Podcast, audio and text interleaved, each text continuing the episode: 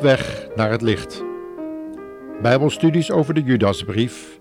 Een Bijbelstudies voor de eindtijd van de Stichting Adulam in Curaçao.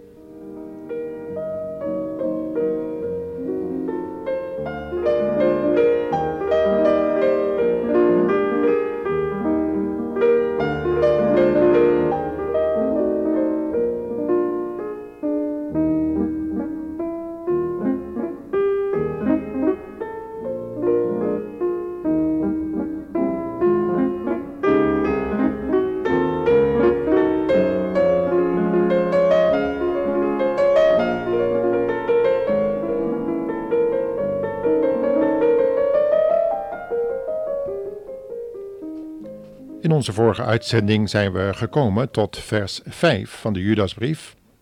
Wel te verstaan niet Judas de verrader natuurlijk, maar de broer van de Heer Jezus en ook broer van Jacobus. En nu we bij vers 5 zijn aangekomen, willen we daar nog graag iets over vertellen. We lezen dan ook vers 5 tot en met vers 8 van de brief van Judas. Ik wil u er echter aan herinneren, u die eens alles wist, dat de Heer na een volk uit het land Egypte verlost te hebben, de tweede keer hen die niet geloofden heeft verdelgd. En engelen die hun oorsprong niet bewaarden, maar hun eigen woonplaats verlaten hebben, heeft hij tot het oordeel van de grote dag met eeuwige boeien onder de duisternis bewaard. Zoals Sodom en Gomorra en de steden daaromheen, die op dezelfde weg als deze hoereerden en ander vlees achterna gingen, daar liggen als voorbeeld doordat zij een straf van eeuwig vuur ondergaan. Tot zover de schriftlezing.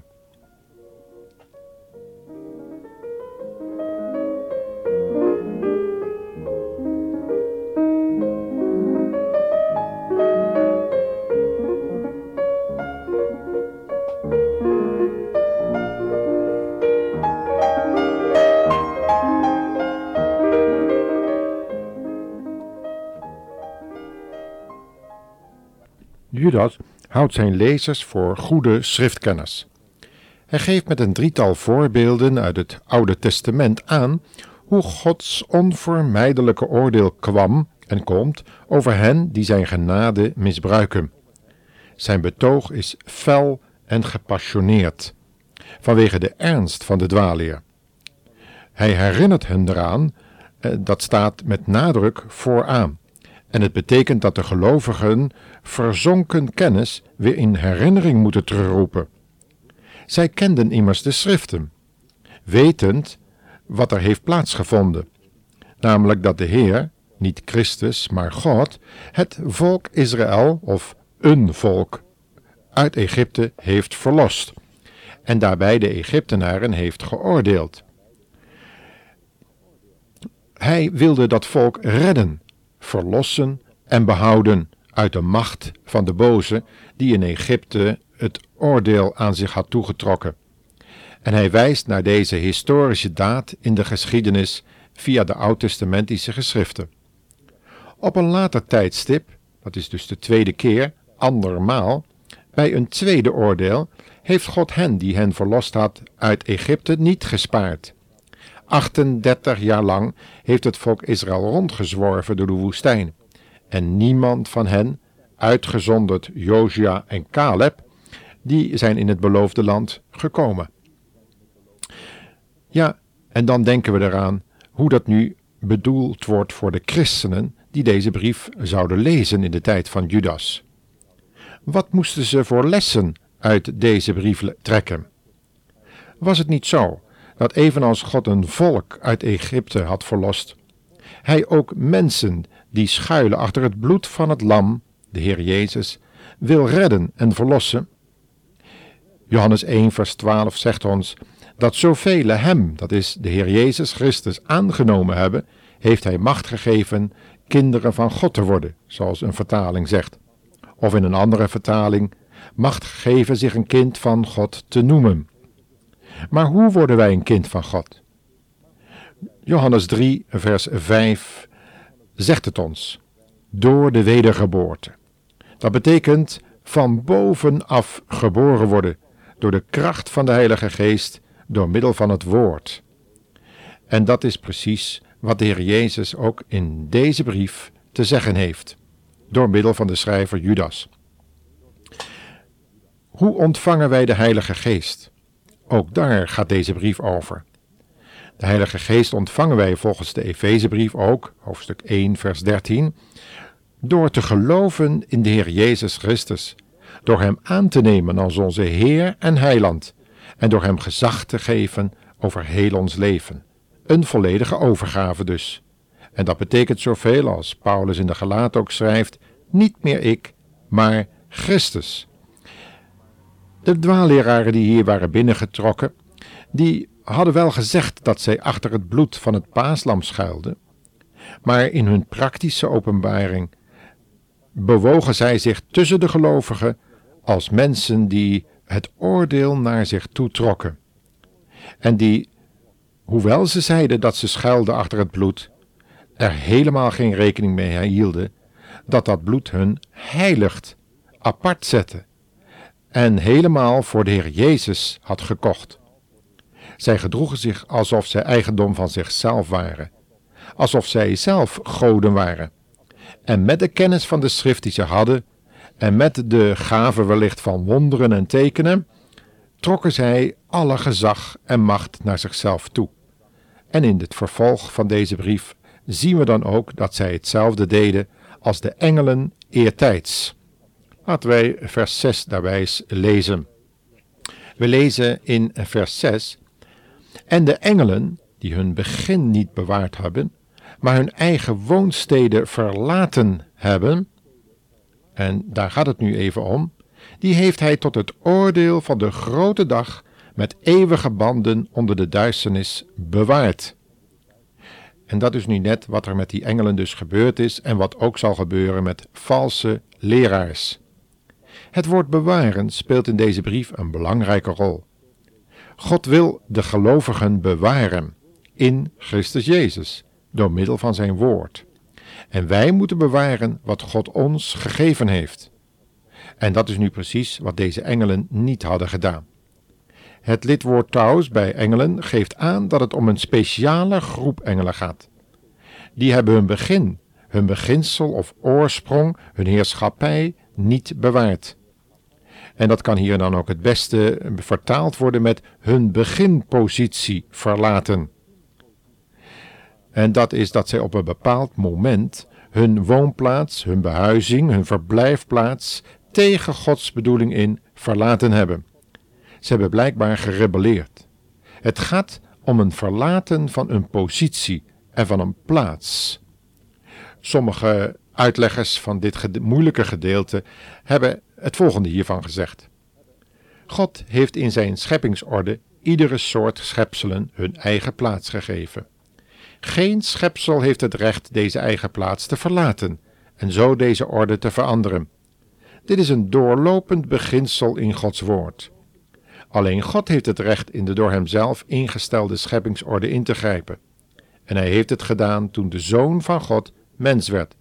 En hij zal het doen als hij de met Christus verenigde gemeente een plaats zal geven boven de engelen. Welnu, deze engelen hebben hun eigen oorspronkelijke staat verlaten. Dat vinden we terug in Genesis 6, lees u het maar. In het Oude Testament worden nooit mensen zonen van God genoemd. Dat is daar de naam van engelen. U kunt dat lezen in Job 1, vers 6 tot 12 en hoofdstuk 2, vers 1. God heeft de engelen anders geschapen dan de mensen. Hij schiep twee mensen en gaf hen de opdracht zich te vermenigvuldigen. En hij heeft uit één bloede, of het hele geslacht van de mensen, uit die twee mensen gemaakt. De engelen zijn echter anders geschapen. Zij huwen niet en zij worden niet ten huwelijk uitgegeven, zegt de Heer Jezus in Lucas 20. Er is op het ogenblik niet één engel meer dan er in het begin geschapen zijn. Maar Genesis 6 vertelt ons dat er in die tijd zonen van God op aarde waren, die hun eigen woonsteden hadden verlaten en er de voorkeur aan hadden gegeven een plaats onder de mensen in te nemen en te handelen alsof zij mensen op aarde waren. Zij handelden in volkomen strijd met de hele door God ingestelde scheppingsorde. En dat was zo'n openlijke opstand tegen hem dat hij de aarde niet langer zo door wilde laten gaan. Dat was de werkelijke oorzaak van de zondvloed, die we alle kennen. Ongetwijfeld was er in het algemeen ongerechtigheid in de mens. De mens was verdorven en boosaardig, en dat bracht het oordeel over allen, buiten Noach en zijn huis om. Maar daarnaast was er die bijzondere ongerechtigheid, deze verschrikkelijke aantasting van de grenzen, die de schepselen van God op een mysterieuze wijze verdelen. En die verlating van de scheppingsorde was zo verschrikkelijk in Gods oog dat hij het hele aardse scheppingsgebeuren vernietigde en een einde maakte aan deze gevallen engelen en datgene wat door hun handelingen uit hen voortgekomen was. Wat staat er? De reuzen, de geweldigen, de mannen van naam en de hele met hun verbonden mensheid. Deze gevallen engelen nu worden met eeuwige banden onder de duisternis gebonden, zodat ze niet voort konden gaan de mensen mee te slepen in een verschrikkelijke kwaad. De mensen die zich met hen verbonden hadden, wachten in de Hades, dat is in de pijnen, op de definitieve oordeelsdag. Wat een verschrikkelijke gedachte, beste luisteraars. Laten we ons met al die mysterieuze gegevens, al die dingen die tot de onzienlijke wereld behoren, toch niet inlaten, zodat we niet hetzelfde oordeel moeten ondergaan. Laten we ons verhouden van alle mysterieuze dingen die te maken hebben met de dingen die verborgen zijn voor de mensen. Want Heere God heeft gezegd: de verborgen dingen zijn voor de mensen en de geopenbaarde, ach, ik zeg het verkeerd. De verborgen dingen zijn voor de Heer onze God en de geopenbaarde voor de mensenkinderen.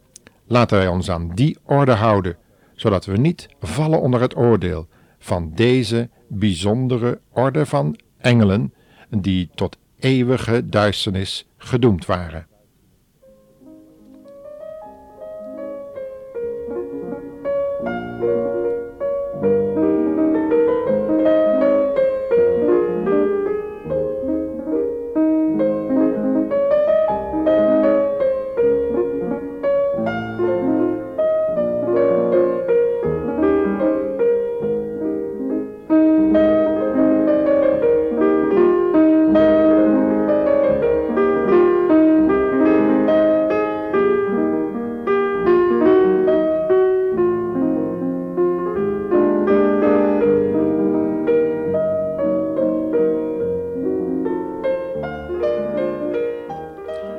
Is nu eigenlijk het verschil tussen deze engelen en de Satan zelf? Welnu, het is dit.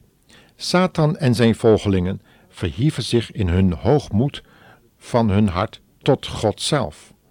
Maar deze engelen verlaagden zich in de boosheid van hun hart tot de mens, tot de mens in een speciaal diep gezonken toestand. Een heel duidelijk onderscheid. God gaat niet uitvoerig op dit kwaad in. Het goddelijk beginsel hoe we tegenover kwaad moeten staan, vinden we Romeinen 16, vers 19. Daar staat: Ik wil dat gij wijs zijt in het goede, maar onnozel in het kwade. Elke bijzondere belangstelling voor het kwade, voor het mysterieuze, voor datgene wat voor mensen oog verborgen is, dat trekt altijd weg van God, omdat we de scheppingsorde van God verlaten en dan laat God ons over in het goeddunken van ons hart. Paulus schrijft erover in Romeinen 1 wat daarvan de resultaten zijn. Naar dat beginsel handelt God ook tegen ons. Hij vertelt de details van het kwaad van deze engelen niet. Gelukkig maar. Degenen die het willen weten, zitten reeds diep in de duisternis. Wat voor nut zou het hebben om met deze verschrikkelijke dingen bezig te zijn? We zouden alleen nog maar meer door verontreinigd te worden. Er zijn zoveel positieve dingen om mee bezig te zijn, onder andere de gedachten van God zelf. Dit is het wat ik wil, uw heiligmaking, schreef de apostel Paulus. En verderop zegt hij: Laat uw hart vervuld zijn met de kennis van Gods wil